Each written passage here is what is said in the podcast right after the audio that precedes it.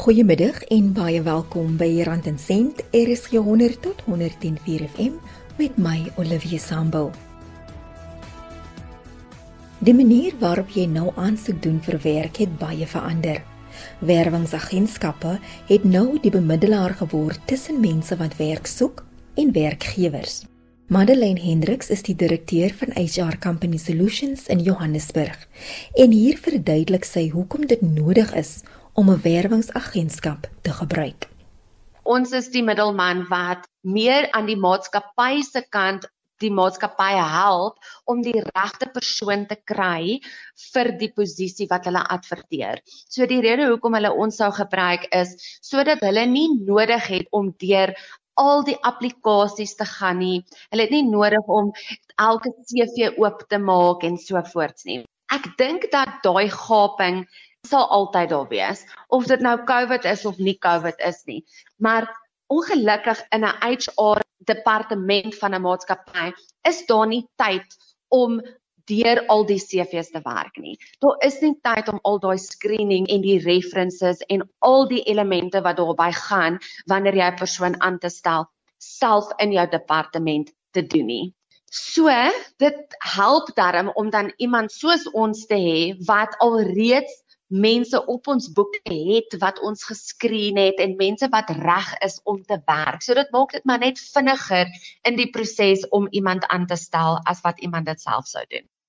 COVID-19 het groot ontwrigting in die bedryf veroorsaak.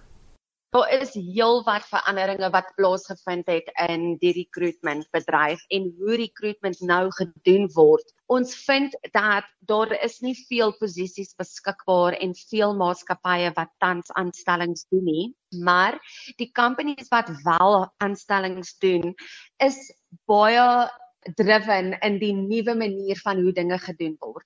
Die proses van online en Zoom en Skype onderhoude het heeltemal oorgevat nou. So dit is actually baie refreshing om te sien dat companies so vinnig adapt het met die nuwe manier van dinge doen, maar daar's tog maatskappye wat glad nie kan adapt met hierdie nuwe manier van dinge doen nie. Maatskappye wat takke in verskillende lande het, het goed aangepas by die nuwe omstandighede. Waar ons sien is meer die wat ons noem die multinational companies. So dit is die maatskappye wat takke reg oor die wêreld het. So hulle is alreeds so gewoond daaraan om met mekaar te kommunikeer op die internet, oor Skype, oor Zoom. So dis nie iets wat vir hulle nuut is nie kleiner maatskappye en die Suid-Afrikaanse maatskappye sukkel baie om te adapt oor hoe werk ons en hoe stel ons mense aan sonder om hulle eers te ontmoet sonder dat hierdie persoon kan kom sien hoe lyk die perseel hoe weet ons of hierdie persoon 'n culture fit gaan wees. So daar is nog heelwat maatskappye wat baie skepties is oor mense aanstel en vir hulle 'n laptop by die huis gaan aflaai en jy het hulle nog nooit ontmoet nie. Die bestuurslui van sommige Suid-Afrikaanse maatskappye glo steeds egter dat werkers by die werk moet wees om produktief te wees. Die mense wat nou maar nog in die hoofbestuurposisie sit van maatskappye is old school. Hulle glo maar nou nog steeds dat as iemand nie by die werk is nie, dan werk hulle nie. So om daai gaping minder te maak en dat maatskappye kan verstaan dat dit is moontlik om van die huis af te werk nommer 1 maar nommer 2 is jy kan ook goeie talent aanstel vir jou maatskappy wat ook van die huis af kan werk. Maar ek kan jou nou al sê dit gaan 'n lang tyd nog vat voordat maatskappye kan agterkom dat dit kan actually werk en dat hierdie manier van dinge doen op die online way is in ander lande iets wat al vir jare aan die gang is en wat mense al vir jare doen voordat COVID-19 gebeur het. Maar navorsing toon tog dat mense wat van die huis af werk meer produktief is. Dit gaan egter ook gepaard met meer druk weens 'n groter werkslading, veral nou tydens COVID-19 die tyd wat mense in die verkeer sit, daai is nie produktiewe tyd nie. In die oggende is mense op hulle beste en varsste En as hulle daai tyd in die verkeer sit, dan is hulle mos nou nie vars as hulle by die werk kom nie en dat daar is ure wat hulle spandeer het op die pad waar hulle veel eerder produktief kon wees by die huis. Ek dink dat vertroue speel 'n vreeslike groot rol in waarvan ons nou praat. Ek dink dat ons het nog steeds nie die vertroue in die mense wat ons aanstel dat hulle die werk sal doen nie of dat hulle die werk kan doen wanneer hulle van die huis af werk nie daai mindset dat mense moet nog gemicromanage word of die mindset dat wanneer jy nie op die kantoor is nie, dan werk jy nie. Daai mindset sal 'n baie lank tyd om te vat om te verander. En wat mense ook sien is gedurende hierdie tyd is watter tipe mense jy actually aangestel het in jou maatskappy want dit is nie net so maklik dat jy het 80 mense wat vir jou werk. Nou werk 80 mense van die huis af en jy het 'n lieflike maatskappy en alles werk goed nie. Want uit daai 80 is daar seker omtrent 50 wat nog steeds kanse vat. Daar's 50 wat nie besef wat die selfdissipline vat om van die huis af te werk nie, omdat dit nie iets is wat hulle aangewoond is nie. Daai is nog steeds die gap nommer 1 Nommer 2 wat ek ook vind in die industrie en hoe ek praat met kandidate wat op die mark is, is dat vandat hulle nou by die huis werk, is die werk baie meer. Waar hulle op 'n daaglikse basis sê 20 e-posse ontvang het, ontvang hulle nou 40. Want hulle bestuurders wil sien of hulle respond na hulle e-mails toe, werk hulle eintlik, sit hulle by hulle kantoor in hulle huis, is hulle by hulle rekenaar, is hulle daar.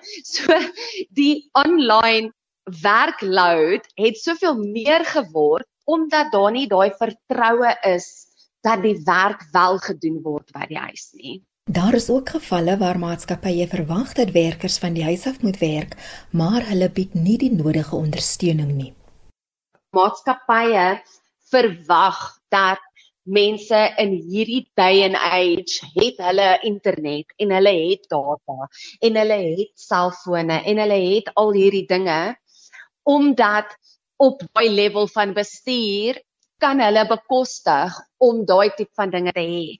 Maar dit is nie net elke Suid-Afrikaner wat akses tot die internet het nie. Nie almal van ons het fiber en wifi en routers en en dit is nie net ook iets wat jy kan is nie easily accessible nie. Weet jy kan nie vandag net die foon optel en besluit jy gaan fiber hê nie, want dit is 'n kontrak waarin jy jouself kry. As jy dit nie voorheen gehad het nie, hoe kan jy dit nou bekostig? So maatskappye, jy weet hulle verstaan nie nog dat al hierdie ekstra kostes wat by dit verbonde gaan is iets wat baie druk op die kandidaate sit nie. Maar nou ook wat gebeur is meeste van die Suid-Afrikaners word net helfte van hulle salaris betaal. Nou moet hulle met die helfte van hulle salaris al hulle rekeninge betaal en al die dinge in plek sit van om van die huis af te werk. Dis nog baie rou en daar's nog baie mense wat nog bitter ongelukkig is oor hoe maatskappye die situasie hanteer het en wat van hulle verwag word en dit gaan nog 'n baie groot krisis wees om hierdie tipe verhouding tussen maatskappye en kandidaate te verbeter omdat kandidaate of um, jy weet employees so behandel geword het deur hierdie staak van nood en hoe companies met kandidaate gewerk het. Dit was Madeleine Hendriks van HR Company Solutions in Johannesburg. Moenie sit en wag vir goeie goed om te gebeur nie. Verander jou denkraamwerk. As jy die aand in die bed lê voor jy aan die slaap raak, moenie skape tel nie. Jy moet beslis nie jou probleme tel nie. Tel die goed wat reg gegaan het in jou dag en kyk of jy vir jouself die gewoonte kan aanleer om geleenthede eerder as probleme te sien. Ek is Olivia Sambo en dis Rand en Sent, er is 100 tot 104 FM. Baie welkom terug by die tweede gedeelte van die program. Johannes de Villiers is die skrywer van twee boeke genaamd Kalmte in die malle gejaag en Blydskap, waar hy raad gee oor die proses om innerlike gemoedsrus te vind. Sy besigheid het nie die aanslag van COVID-19 vrygespring nie, maar hy moet sy kop swaai maak en sy denke hernie om tydens die krisis te kan oorleef.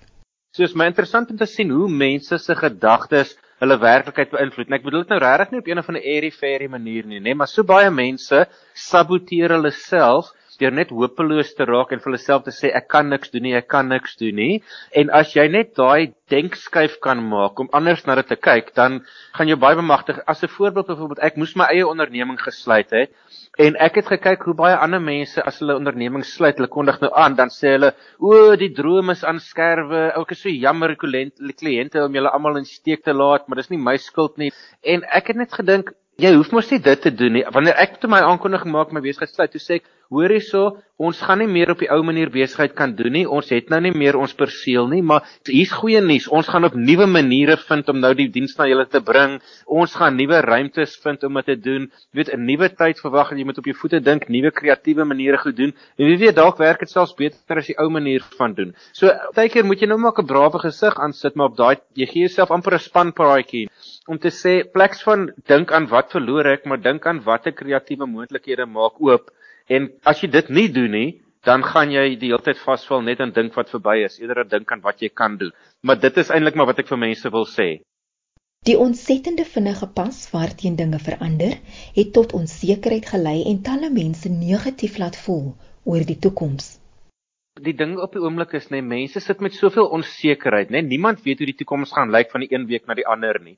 En ons is baie swak daarmee om met onsekerheid saam te lewe. Wanneer mense nie weet wat gebeur nie, is daar 'n vraagteken oor hulle toekoms en dan probeer hulle daai onsekerheid in te kleur met bangmaak stories. Dan verwag hulle die ergste moontlike ding gaan gebeur.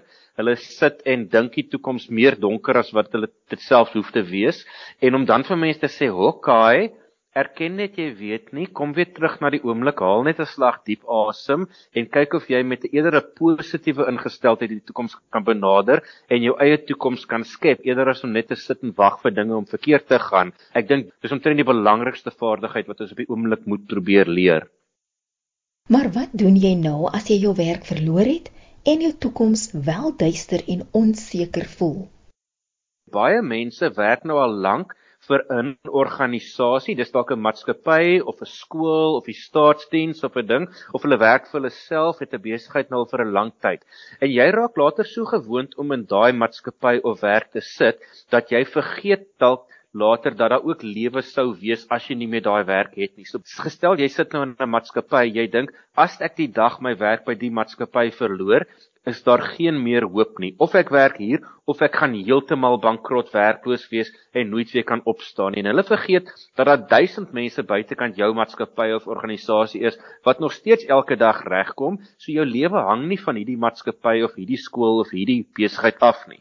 So baie mense wat al gewerk het in die korporatiewe wêreld wat al afgelê is of hulle werk verloor het, sal vir jou sê, daai dag as jy nou maar met jou kartonboksie met jou lesenaar goed daar uitloop, is dit ewe skielik asof 'n lig aangaan en jy besef, "Haai gits, daar's eintlik lewe buitekant hierdie ook en daar's ander geleenthede." So Die eerste belangrike denkskyk wat ek vir mense altyd sê is moenie dink die lewe eindig wanneer jy jou huidige organisasie verlaat nie.